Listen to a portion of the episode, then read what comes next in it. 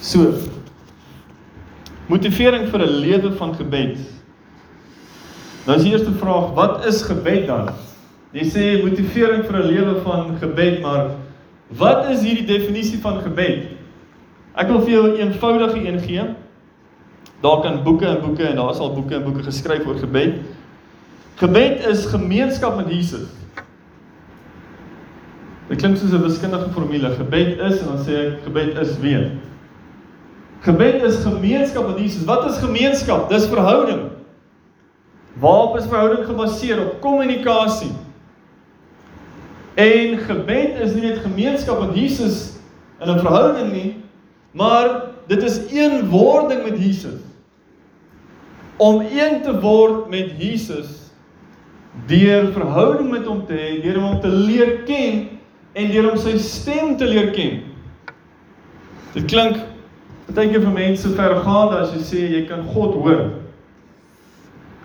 Jy kan hom nie net hoor een dag op 'n spesiale tyd nie, maar jy kan hom elke dag, die hele dag hoor.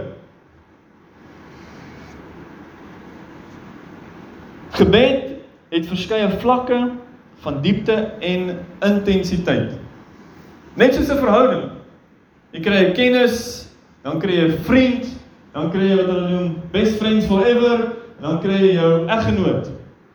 Daar's verskillende vlakke van verhouding en net soos daar verskillende vlakke van gebed.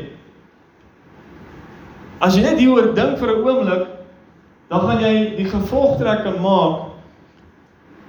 Die vlak van verhouding wat jy met Jesus het, weerspieël die vlak van gebed en die lewe van gebed wat jy leef. Ander ongesê, As jy nie 'n gebedse lewe het nie, bevraagteken ek jy, bevraagteken ek jou of jy regtig gered is of jy regtig Jesus ken. Jy sien jy kan nie die twee kan nie mekaar geskei word nie. Jy kan nie sê ek is 'n kind van die Here en ek het die Here lief, maar jy het nie 'n lewe van gebed nie. Jy kan nie sê jy is getroud met hierdie vrou of met hierdie man, maar daar's geen verhouding nie. Ja, jy mag dalk seker op papier getroud wees, maar jou hart is al lankal nie meer daar nie. Johannes 17 vers 20 21 Jesus kom en hy sê maar ek bid nie vir hulle alleen nie. Dis die die hoëpriesterlike gebed in die tyd van Getsemane voor Jesus gekruisig word. En hy sê maar ook vir die wat deur hulle woord in my sal glo. So Jesus bid hier direk vir ons. Ons het deur die disippels ja 2000 jaar dat ons tot geloof gekom dat almal een mag wees net soos u Vader in my en ek in u dat hulle ook in ons een mag wees sodat die wêreld kan glo dat U my gestuur het. Jesus sê hier is die doel, eenwording met hom deur middel van gebed.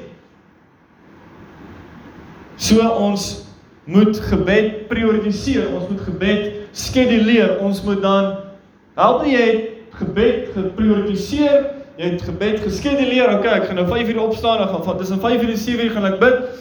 Dis goed, jy moet daar begin. Nou nou hoe bid ek? Wat sê ek? Wat doen ek? Wat maak jou hart oop vir die Here? Praat met hom. Sê vir hom wat jou pla. Sê vir hom wat jy begeer. Skryf dit neer. Lees die Bybel en bid die Bybel. Dit wat jy lees, maak dit 'n gebed. Maak dit 'n gesprek. So daar is 'n baie kort opsomming van wat is gebed? Nou kom ons gaan kyk 'n bietjie wat sê die Bybel. Ek wil vir julle sewe Bybelse motiverings gee. Wat gebeur in gebed wanneer ons bid? Wat het al gebeur? Wat gebeur tans? Punt nommer 1. Matteus 6 vers 5 en 6. Wanneer jy die notas kry in daai tyd, dan het jy nou alles daarson. Maar van nou, kom ons blaai saam Matteus 6 hoofstuk 6 vers 5 en 6. Die heel eerste punt is gebed word beloon. Nou baie min keer word daaroor gepreek en geleer in die kerk dat daar is belonings wat die Here gee. Hy beloon ons goeie werke. Hy beloon ons. Dan kan jy dink nou, wat se tipe beloning? Wel, As Jesus meer van homself in openbaar, dis 'n beloning. As Jesus jou meer gesag gee, dis 'n beloning. Jesus beloon jou gesondheid, hy beloon jou finansies, hy beloon jou verhoudings. En ons sal die volheid van die beloning eers ontvang wanneer hy terugkom. Maar hy sê hierso Matteus 5, Matteus hoofstuk 6 vers 5 en 6. En wanneer jy bid, en dan verduidelik hy daar, moenie bid soos die Fariseërs, skrifgeleerdes en so aan nie, want hulle bid om deur mense gesien te word. Hy sê verwaar, ek sê vir julle, dat hulle hul loon weg het. Hulle het hulle beloning verloor. Hulle het gebid, hulle het 'n godsdienstige ding gedoen. Ons wil deur mense gesien word, ons wil mense behaag. So ons gaan 'n show opsit. Skyn heilig. Hy sê okay, as jy daai motief het en jy bid, daar sal niks beloning vir jou wees nie. So jy mors jou tyd. As jy nou belegger was, zero return on investment. Jy het alles belê en niks gekry nie.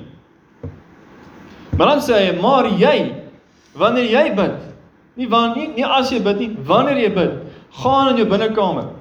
Sluit jou deur en bid jou Vader wat in die verborgene is. En jou Vader wat in die verborgene sien, sal jou in die openbaar vergeld. So die motief van gebed hier moet wees om die Here intiem te ken om nie deur mense gesien te word nie, maar jy gaan in die binnekamer daar waar niemand jou sien nie en jy spandeer jou tyd en jou moeite en jou energie om God te ken, om Jesus te leer ken. En daai tyd en moeite en energie wat jy daarin sit, begin 5 minute, dan word dit 10 minute, dan word dit 'n leefstyl. Sê die Here hier sal die Vader jou in die openbaar beloon. Wow. So die Here sien eintlik en hy hoor eintlik en hy is bewus eintlik. En hy het 'n Malagi 3 sê daar's 'n boek wat geskryf word. Daar's 'n engel wat gestuur word met 'n tablet. Hulle tablets gehad ook in die hemel. En hierdie engel staan met die tablet en hy skryf neer. Dalk doen hy video recording, weet so daai al die YouTube selfies en goed. Hy video record jou terwyl jy bid. Dit gaan op jou rekord. En die Here is baie vrygewig om meer te beloon as wat jy gedoen het. Punt nommer 2. En punt nommer 1 is my baie belangrik en ons kan baie lank daaroor gesels. Maar jou gebed word beloon. Die kleintjies en die grootes.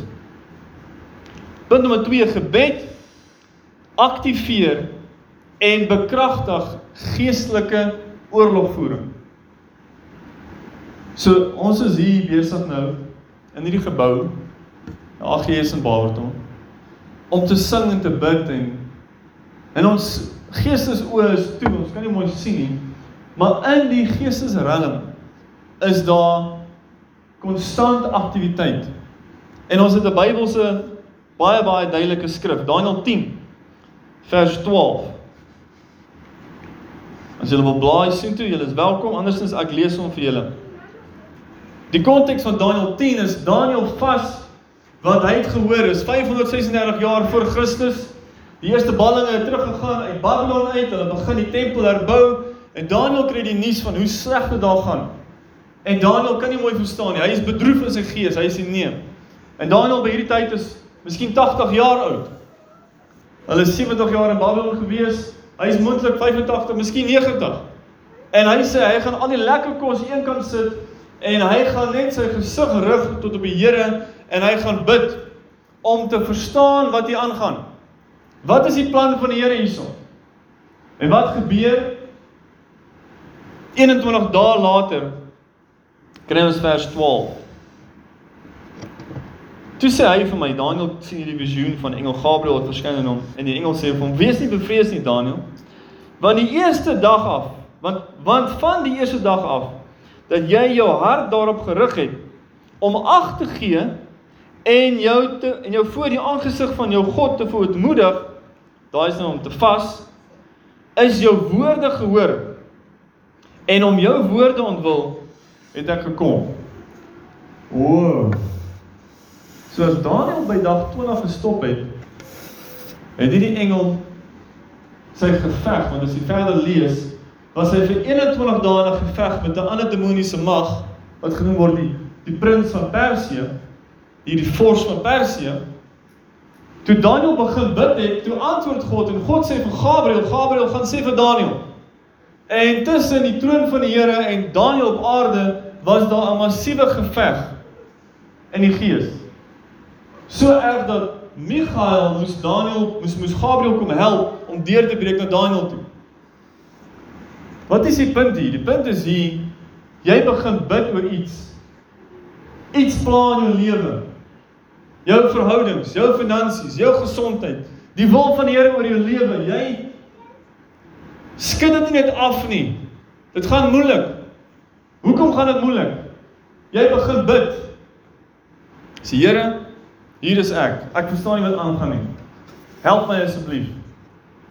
En dan sê jy man, ek gaan sommer nou begin my koffie een kan sit. En dan gaan ek vleis een kan sit. En dan gaan ek al die sweeties een kan sit. Dan gaan ek al die suiker een kan sit. En al die goed een kan sit sodat ek meer en meer gefokus kan word.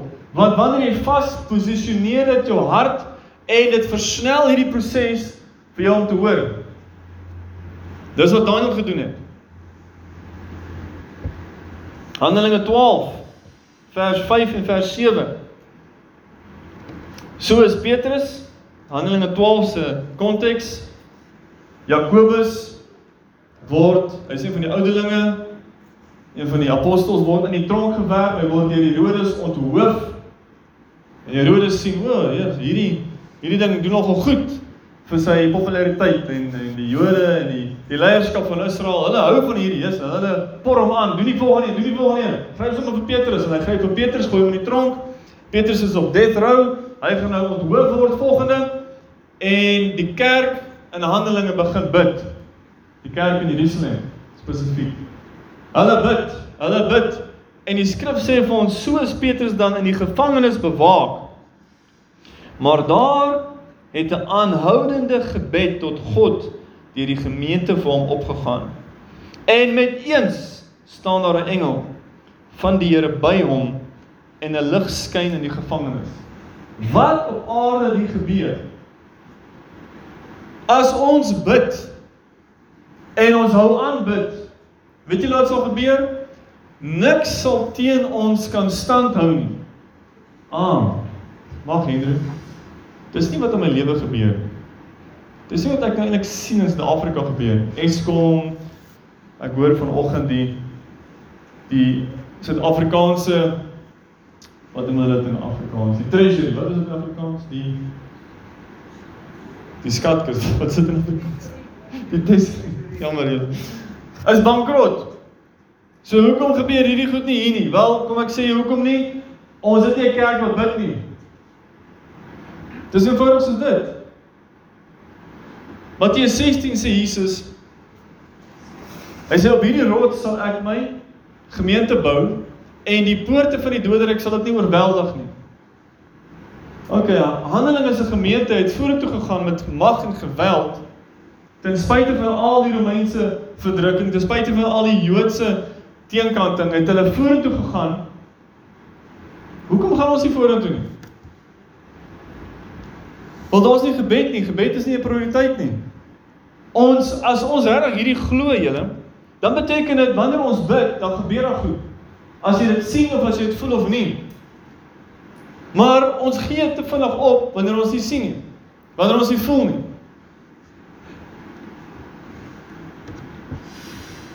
As ons hierdie sou vat, kom ek julle gou-gou net 'n moderne voorbeeld.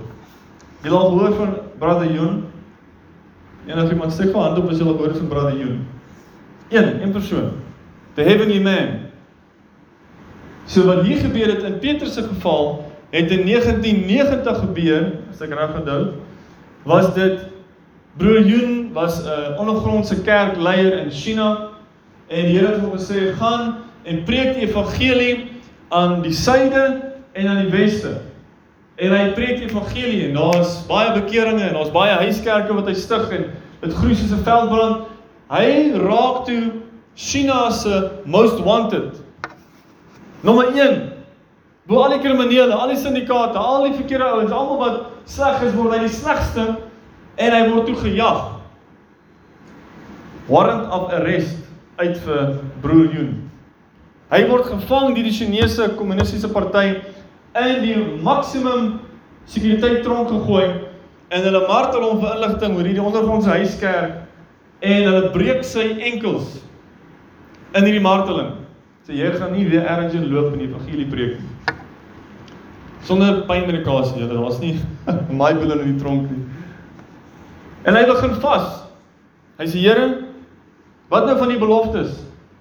En hy los kos en hy vas en die tronkbewaarder sê nee, kyk, dis 'n kwessie van tyd vir hierdie ou dit nie gaan maak nie. Kom ons hulle begin dobbel. Watter dag gaan hy doodgaan?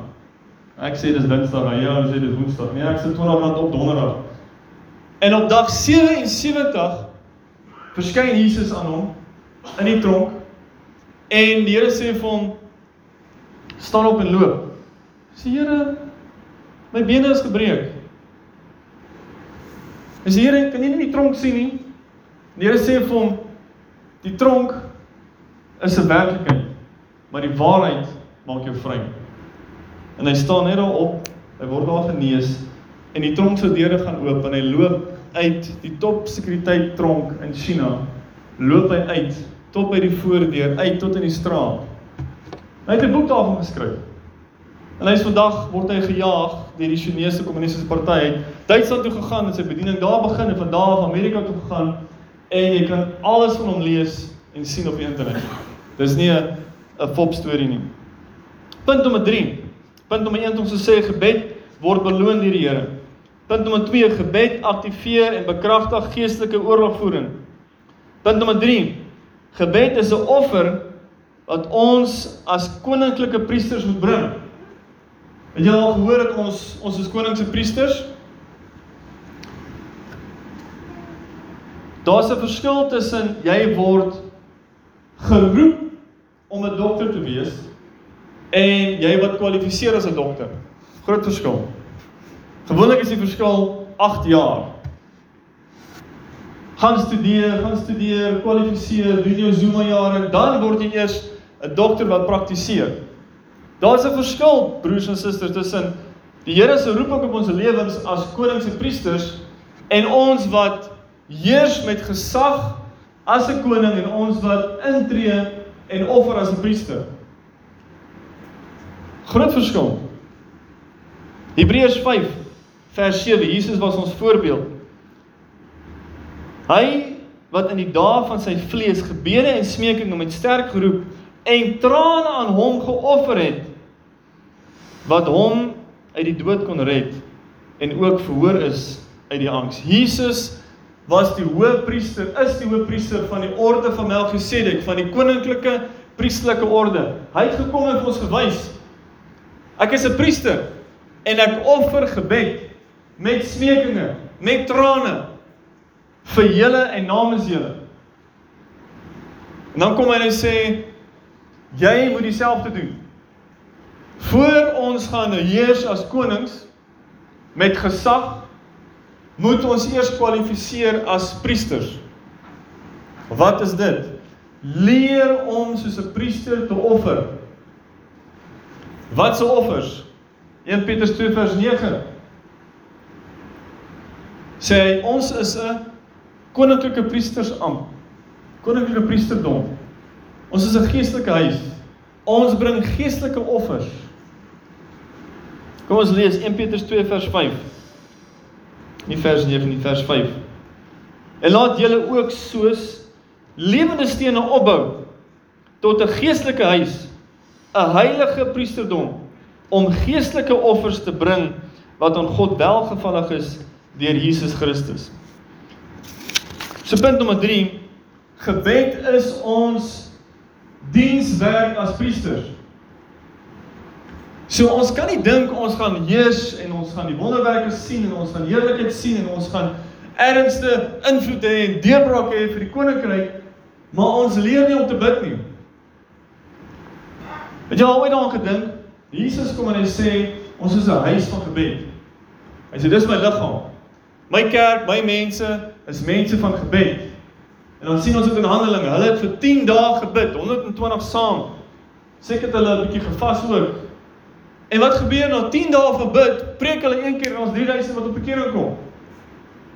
Hier is 'n major preek nie, net so 'n klein preekie. Eilik was die preekie, hulle het gebid. En toe kom die Heilige Gees en toe verduidelik hy wat gebeur en daar kom 3000 mense tot bekering. Dit was die resultaat van gebed. Nou nou kom ons vergelyk 'n bietjie hierson. Wat doen die Jode in 'n sinagoge? Julle geweet hulle het 'n boek net vir gebed. Dit word genoem die Siddur. Hulle kom mekaar en dan bid hulle. Dan het hulle sekere gebede vir 'n Vrydag en sekere gebede vir 'n Saterdag en sekere gebede vir hierdie fees en sekere gebede. My punt hier is hulle het 'n beklemtoning van gebed. En baie van die gebede is skrif. OK. Wat doen die moslems? Hulle kom mekaar, hulle maak hulle besighede toe. Vrydagmiddag boetie wanneer die besigste is, 1 uur, 2 uur, is hy toe. Waar toe gaan hulle? Moskee toe. Hulle het nie sitplekke en banke nie. Op die vloer boetie met 'n mat. Ons gaan bid. Hæ? Huh? En dan kom ons hier ons wat die ware God dien, wat die ware Heilige Gees het, wat die erfgename is van die koninkryk van God en ons bid nie. Wat doen ons? Ons preek meer as wat ons bid. Né? Nee? Is dit nie waarheid nie? So ek wil julle graag motiveer om ons wil graag mense van gebed wees. Want ons glo hierdie woord. Hierdie woord is nie 'n pie in the sky nie, dis 'n werklikheid. Dis 'n werklikheid wanneer ons begin bid, kan God ons vertrou. Hy kan ons meer gee. Maar as ons nie mense van gebed is nie, dan hoor ons hom nie. As ons hom nie hoor nie, hoe kan ons gelei word? As ons nie gelei word nie, hoe kan ons sy krag sien manifesteer? Hoe kan ons hom hoor? Hoe kan ons beleef wat hy vir ons gesterf het voor.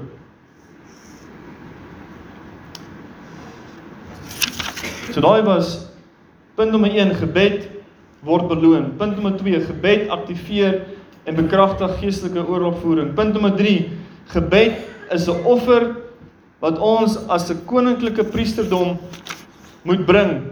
Punt nommer 4 Net dink jy so, ek net Gats, ek het gesê ek het 7 punte, ek het 6 punte. OK, punt nommer 4, gebed. Deur gebed kan ons 'n stres hoor net hierdie kan ons 'n stresvrye lewe geniet. Kan ek gou net sien wie van julle het 'n stresvrye lewe? Steek my hand op. O, gats. ek kan nie my hand opsteek nie. Ek het hom hier maandag en dan kom daar dinsdag. Dit is regtig 'n belofte, Here. Kan jy jouself indink? Jy het 'n stresvrye lewe te midde van diesel wat R40 'n liter word. Te midde van elektrisiteit wat nooit anders nie, maar is af, meer as wat hy anders. Is dit moontlik? Kan ek 'n amen hoor? Wie julle wat geloof het sê amen. Julle wat nog nie geloof het nie, sê amper.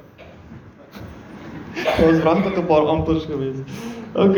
Kom ons draai na die Bybel toe. Filippense 4. Filippense 4. Vers 6 en 7. Paulus kom en hy sê: "Wees oor niks besorg nie." Daai net ons al lank om gebreek. Ons moet bely van daai en heel eerstens. Maar laat julle begeertes. Ons begeer Eskom elektrisiteit met uh, 50 sent per kilowatt. Laat jou begeerte, want as ons dit doen, skep ons werk. Julle geweet, daar's twee dinge wat ons kan doen om hierdie land se ekonomie om te draai.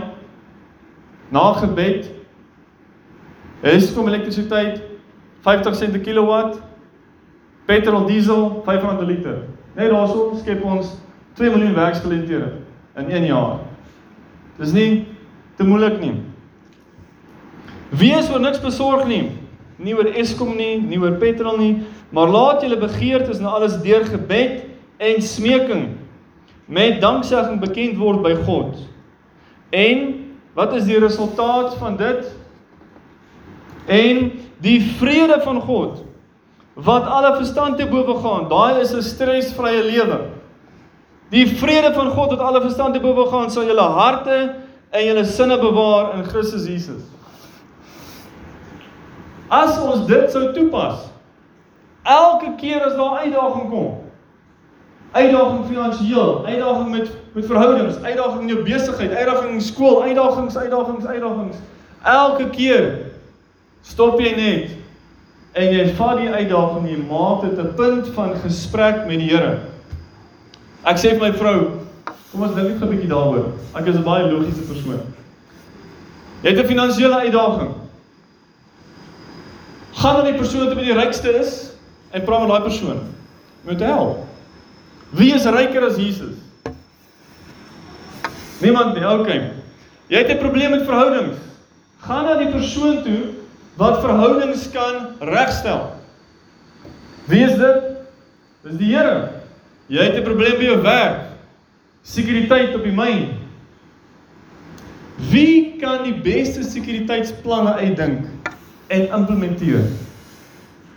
Jesus. Okay, jy gaan na hom toe jy praat met hom. Jy het 'n probleem met tegnologie.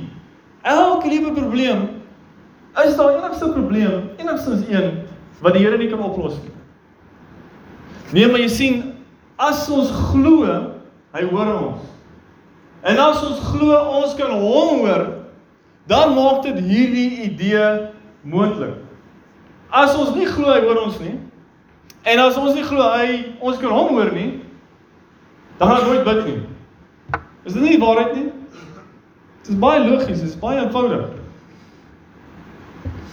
Hebreërs 4 vers 16 sê: Laat ons dan met vrymoedigheid na die troon van die genade gaan, sodat ons barmhartigheid kan verkry en genade vind om die regte tyd gehelp te word. So daar is 'n moontlikheid om 'n stresvrye lewe te leef. Matteus 6 sê Jesus dit. Moenie bekommer oor wat jy gaan eet of drink nie. Moenie bekommer wat jy gaan aantrek nie. Wat sê hy? Hy sê daar hulle wat bekommer oor hierdie dinge is ongelowiges, heidene. So dan moet ons elke keer as ons stres Wat gebeur met stres? Jy het 'n uitdaging. Jy kyk na jouself en jy verwag die ergste. Né? Nee? Dis wat gebeur. Wat sê die Here? Die uitdaging kom. Jy vat die uitdaging, jy praat met hom daaroor. Jy sien hoe groot hy is. Hy is die Heer. En dan sê okay. Die Here sê hy gaan uitsorteer. Sien dit sou doen elke keer. Dan sê Jesus Matteus 6:33, dan soek ons die koninkryk van God en sy geregtigheid en hy sorg vir al die res. Petrol opgaan R40 'n liter, dan voorsien die Here R40 meer. As petrol afgaan, sê ons dankie Here, het ons gebed gehoor. As petrol opgaan, ons sê ons dankie Here vir meer geld. Punt nommer 5. Deur gebed ken ons die wil van God. Spreuke 3:6. Almal ken hierdie een. Ken die Here in al jou weë en hy sal jou paai gelyk maak. Ons ken dit, ons hoor dit en dan doen ons dit nie. Is dit nie so nie? Ken hoeveel jong mense, wat moet ek doen in my lewe? Hierdie vrou, daai vrou, hierdie studies, daai studies, hierdie werk jy daai geleentheid sê leer om te bid. Nee maar nou jy weet hoe werk hierdie ding? Leer om te bid. Dit impliseer ons ken nie gebed van die begin af nie. Ons moet dit leer. Ons ken nie die Heilige Gees se stem uit nie. Ons moet dit leer ken. Romeine 12 vers 1 en 2 is nou die die uitdaging hierso. Want dis nie net dis nie net bid en ken die Here se wil vir jou lewe nie. Daar's daar's 'n kinkel in die kabel. Romeine 12 vers 1 sê Paulus: Ek vermaan julle dan broeders by die ontferminge van God dat julle julle liggame stel as 'n lewende, heilige en aan God welgevallige offer. Dit is julle redelike godsdiens. Dis jou en my struikelblok om die wil van God vir my lewe te ken. Ek is nie gewillig om my idees neer te lê nie. Daarom bid ek my idees. Ek dink die Here sê my idees reg en dan doen ek my idee en dan is dit 'n teleurstelling. En dan kry ek mense wat my sê, "Hoekom is Here so sleg? Hoekom is Here so so so? Dinge werk nie vir my uit nie." Dan sê ek, "Hoekom bid jy nie?" "Nee, maar ek het gebid." Het Here jou geantwoord? Ja, ek het maar net aange Nee, moenie aanneem nie. Jy neem aan jou idee is reg en dan doen jy dit en dan werk dit nie. So wat gebeur? Paulus kom hier, hy sê stel jou liggaam op die altaar. Dis sê nee vir Henry se idee. En sê miskien is Henry se idee verkeerd, al lyk hy goed. Ah, oh, dis nie lekker nie. Ek moet dan wag. Hoekom moet ek wag? Dis soos daai ou modems 512 kilobytes. Almal het gewag vir alles daai tyd. ja. Vers 2 sê Paulus, as jy hierdie doen in vers 1, dan sê hy en word nie aan hierdie wêreld gelykvormig nie, maar word verander deur die vernuwing van jou gedagtes, jou gemoed, sodat jy kan beproef wat die goeie en welgevallige en volmaakte wil van God is. Hy sê as jy hierdie eerste ding doen, sê nee vir jou idee. Bring jou idee na die Here toe en wag om te hoor wat sê die Here se idee vir jou lewe. En wat dan sal gebeur is, jy gaan dan leer om te onderskei my idee, God se idee. My idee, God se idee. My idee, nou vinnig, ja, hardloop, hardloop, hardloop, hardloop. God sê wag. Nee, ek wil nie wag nie. God sê wag. Luister, wag. En dan leer jy tussen wat goed is, wat welgevallig is en die bullseye, sy volmaakte wil. Jy kan doen wat jy wil doen. Dan gaan jy die verantwoordelikheid moet vat daarvoor. En dan as dit nie uitwerk nie, gaan jy moet betaal daarvoor. Maar jy sien as jy in God se perfekte wil is, betaal hy daarvoor. Hy sê gaan links. Ek gee die petrol diesel daarvoor. Ek gee jou die inspirasie, ek gee jou die idees, ek gee jou die regte genade en die regte mense se oë en dit werk net sommer so. Punt nommer 6. Deur gebed kan ons die eerste en grootste gebod vervul. Wat is die eerste grootste gebod? Kan ek hoor? Dankie Chris. Jy moet die Here jou God lief hê. Hoe het jy 'n vrou lief as jy nooit met haar praat nie? Nee, jy het hom nie lief nie. Hoe het jy die Here lief as jy nooit met hom praat nie? Ah, jy sien jou definisie van liefde bepaal wat jy gaan doen. Kom ons kyk Matteus 22 vers 37 en 38. Jesus antwoord hom, daai fariseer, daai wetsgeleerde, Jy moet die Here jou God lief hê met jou hele hart, met jou hele siel, met jou hele verstand. Dit is die eerste en die grootste gebod. Dis vir my die belangrikste motivering vir gebed hierdie. Dis nie net om 'n beloning te kry nie. Dis nie om, jy weet, geestelike oorlogvoering te wen en mense kom tot bekering en dis nice en dis goed en ons wil dit hê. Dis nie om te hoor wat die Here se wil is vir my lewe nie. Dit is om hom lief te hê.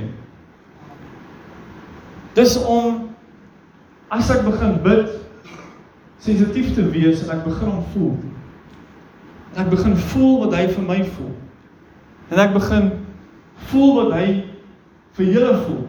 En wat is die tweede gebod? Jy moet jou naaste lief hê soos jouself. As jy nie 'n verhouding met die Here het wat gebou is op gebed en omdat jy hom liefhet nie, sal jy nooit begin bid vir ander nie. Nooit. Want jou gebed vir ander mense is gekoppel aan jou liefde vir ander mense. Die Here het my gewys. Ons stryk hierdie kant toe en hy sê vir my bou my huis. En ek sê Here, ja, ek weet nie hoe dit moet doen. En die Here sê bid vir die mense. Ek sê Here, ek weet nie hoe om te bid vir hierdie mense nie. Die Here sê jy moet my hart kry vir hierdie mense, soos wat jy aan jou kinders dink, of jou kinders bid elke dag, Ariel, Mikaela, Bella, Lia, jy bid vir hulle. Here, U wil vir hulle lewens, dat hulle reg sal loop saam met U, dat hulle U sal ken. Net soos jy bid vir hulle, bid jy vir die kerk. Maar jy kan dit nie doen as jy nie eers my liefde ontvang vir jou nie. Jy kan dit nie doen uit werke uit nie, maar dan is daar geen beloning nie. Sê Here, Openbaring 2 vers 4. Jesus kom en hy sê, "Maar ek het dit teen jou dat jy jou eerste liefde verlaat het." Daai eerste tyd wat op bekering gekom het, waar ek vurig was, waar ek gebid het, waar die Here wil ken en En toe later raak dit so 'n kultuur, dit raak so 'n gewoonte. Ons is gewoond om te hoor van die Bybel, ons is gewoond om te hoor van gebed. En raai wat gebeur? Daai passie, daai vuur gaan weg. En jy raak gewoond aan 'n kultuur wat bonatuurlik los is, geestesloos is. Daar is nie bonatuurlike krag nie. Daar's nie redding nie, daar's nie drome nie, daar's nie genesing nie, daar's nie lyding nie, daar's nie inspraak nie. En ons raak gekondisioneerd in dit en dan raak ons lou. Dan kyk ons na die Bybel en ons sê hierdie dinge was vir daai tyd, dis nie vir vandag nie. Maar wanneer ek 'n lewe het wat gebou is op gebed, en is gemotiveer deur liefde. Die een wat my liefgehad het en homself oorgegee het vir my, hy is die een wat ek wil lief hê. Ek wil hom ken. Hy is die skepper God. Hy is bovenal lofwaardig. Hy is kragtig. En hoe meer ek bid en hierdie verhouding met Jesus bou en hoe meer ek hom sien en duideliker sien hoe meer begin ek verander en hoe meer begin ek bid vir my naaste. Want as die president van kom ons gee 'n voorbeeld. Ek hou baie van president Trump. As president Trump sou kom en sy geheime plan met jou sou deel,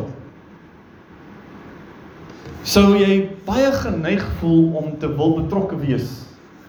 Want hierdie is 'n belangrike persoon met 'n groot plan En so kom Jesus in gebed deur die Heilige Gees en jy begin voel wat hy voel. En omdat as jy begin voel wat hy voel, dan begin jy bid soos wat hy bid. Dis nie 'n gevoelloos verhouding. Dis 'n intieme, intense, interaktiewe verhouding. Kom ons som op. Gebed word beloon. Wie wil eendag voor die Here staan en geen beloning kry nie? Steek net jou hand op wat ons jou gebid. Ons almal wil beloning sê. En hierdie word gesê in die konteks van Matteus 5 vers 19 en 20 waar Jesus sê hulle wat hierdie dinge doen en ander so leer, hulle sal groot wees in die koninkryk van die hemele. Hulle wat hierdie dinge nie doen nie en ander nie leer nie, hulle sal straatweers wees in die koninkryk van die hemel. Klein wees. Jesus sê ek stel voor ons die geleentheid dat ons kan beloning ontvang. Punt 2 gebed aktiveer en bekragtig geestesoorlogvoering. Hierdie is is so belangrik vir jare wat ons voorlê want die vinnigste groeiende geloof in Amerika is okkult. Die okkult is die vinnigste groeiende geloof in Amerika. Deur musiek, deur die media, deur movies, gaan bars toe, gaan kroeg toe. As jy dink dis oukei okay vir jou neefie, niggie, jou en tannie, vir jou vriende om in die kroeg te lê of in 'n klub te lê, dis die area waar hulle mense rekruut, jong mense met musiek, met dwelms. Die lekker dinge van die wêreld en hulle word van daar af getrek En as ons leer om te bid en die Here wys ons hoe om te bid, dan sal ons baie van hierdie planne van die bose omver kan werk. En baie kinders kan red uit die hel uit. Punt nommer 3: Gebed is 'n offer wat ons koninklike priesters moet bring ons offer aan die Here. Punt nommer 4. 'n Stresvrye lewe. In hierdie gejaag na wind kan ons 'n lewe leef wat stresvry is. Kyk, dink hoeveel siektes toestande kom van stres af. As jy daaraan dink, dis weens ongeloof en 'n biddelose kerk. Daar was soveel stres is. Hartaanvalle, kankers. Punt nommer 5. As ons sou bid, sal ons die wil van God ken. Hier gebeur goed in Suid-Afrika. Hoe moet die kerk dit aanspreek? Wat moet ons doen? Moet ons niks doen nie? Of sê die Here vir ons wat ons moet doen? As ons sal bid, sal die Here vir ons sê. Punt nommer 6. Deur gebed kan ons die eerste en die grootste gebod vervul.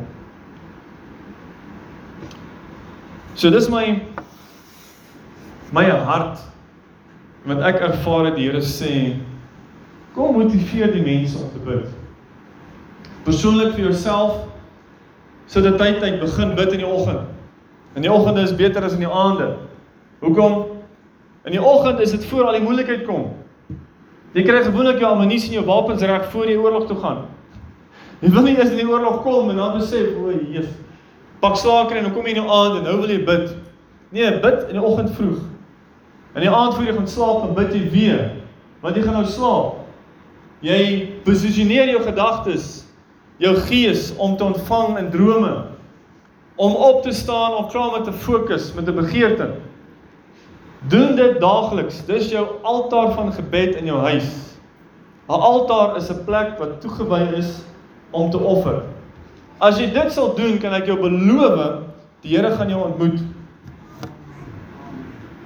En as jy dit doen alleen en dan saam met jou vrou, saam met jou man, saam met jou kinders doen, dan bou jy 'n altaar in jou huis. En jy offer aan op daai altaar aanneemlike offers voor die Here. Dan gaan jou versekerings minder wees. Jou mediese fonds gaan minder word. Jou inkomste gaan meer word. Hierdie is nie 'n prosperity nie. Hierdie is die wil van God hoe hy dit wil hê. En dan kom ons saam as 'n gemeente en ons bid as 'n gemeente vir hierdie gemeente en vir die dorp. Wat ons dan sal sien is die seëning van die Here wat terugkom na hierdie dorp toe. Ons sal die munisipaliteit sien verander. Jy weet die woordjie vir kerk in Grieks beteken die beheerliggaam. Ekklesia, die uitgeroepte verkieste beheerliggaam. Daar is 'n gemeenskap, 'n groep mense met gesag. Hulle kan aanstel, hulle kan afstel. Daar is nie 'n groep mense wat saam bid om Mbombela die regte mense aan te stel nie. So wat gebeur? Die Samgomas, hulle stel aan. Wat gebeur? Hulle offer meer as die kerk. Hulle boosheid en hulle invloed is meer as die kerk. En wat gebeur? As die lig terugtrek, dan gaan die duisternis toeneem. So as ons hierdie sal doen, sal ons sien hoe dinge verander. Ek wil jou 'n geleentheid gee om voor die Here 'n besluit te maak vanoggend. Dis een besluit vandag. Môre moet jy weer besluit. Oormôre moet jy weer besluit. Maar as jy kan besluit vandag en jy vra die Here gee my genade om te volhard. Om nie nou net te dink ek word emosioneel opgesweep en ek maak 'n besluit en dit is lekker vir 'n week en dan trek ek terug en ek sê hierdie ding werk nie vir my nie. Hierdie is 'n geestelike wet. Dit kan nooit gebreek word nie. As ons voldoen aan God se vereistes, sal God altyd kom en deurbreek. Kom ons staan.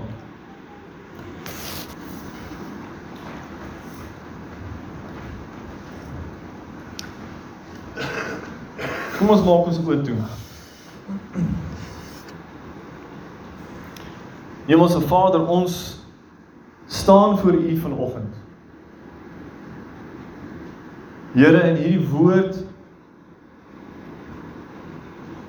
vra ek dat u Heilige Gees sal kom en hierdie woord in ons harte sal oopbreek. Heilige Gees, gee ons insig in die geestelike dinge. Gee ons insig in die koninkryk om te verstaan hoe u dinge ingestel het om te werk. U het gesê Matteus 23 vers 12 Hy wie homself verootmoedig sal verhoog word. Hy wie homself verhoog sal verootmoedig word. Here ons kom en ons verootmoedig onsself voor U. Deur om te sê Here ons het U nodig. Heilige Gees ons het U genade nodig. Om ons harte te verander, om ons gedagtes te verander oor gebed hoe ons moet bid, wat ons moet sê. Here dat ons nie 'n week sal bid en lekker opgewonde sal wees en dan sal terugtrek omdat ons hierdie verwagtinge het van dinge gaan nou so en so gebeur en dan gebeur dit nie. Help ons om te verstaan, Here. U is 'n waarmaker van die woord. U sal nie sê dit sal so wees en dan is dit nie so nie. Dis ons wat verkeerde idees het oor wat U sê. Ons kom voor U, Hemelse Vader, en ons vra vergewe ons as die kerk dat ons biddeloos is. Dat ons vermaaklikheid najag en nie U teenwoordigheid nie. Here vergewe ons dat ons onkundig is oor U woord, oor hoe U gesê het dinge werk met gebed en lei ons en leer ons asseblief vanoggend, Here. Ons wil konings wees met gesag en heerskappy. Ons wil priesters wees wat aan U offer, Here. Ons wil wees soos Jesus. Maar ons struikel en ons val en ons liefde is klein en is swak en Here help ons. Here, baie dankie dat U ons vanoggend gehoor het. Ek vra Hemelse Vader dat U U hand van seëning sal uitstrek oor hierdie gemeente, elkeen wat gekom het vanoggend. Dat U hulle sal aanraak met U Heilige Gees. Dat U hulle sal vrymaak van laste en bindings. Dat U sal kom en hulle verkoop in hulle binneste. Dat daar 'n passie en 'n vuur sal wees vir U teenwoordigheid. Dat daar 'n honger te sal wees wat sê daar moet meer wees. Dit wat ek al beleef het, dit wat ek al gesien het, Dis niks teenoor wat daar is vir my beskikbaar in Christus nie. Here, dat met hierdie begeerte ons U sal najag in hierdie week. Ek loof en ek prys U, Hemelse Vader, dat U ons hoor dat U ons genadig sal wees. Ek bid dit in die naam van ons Here Jesus. Amen.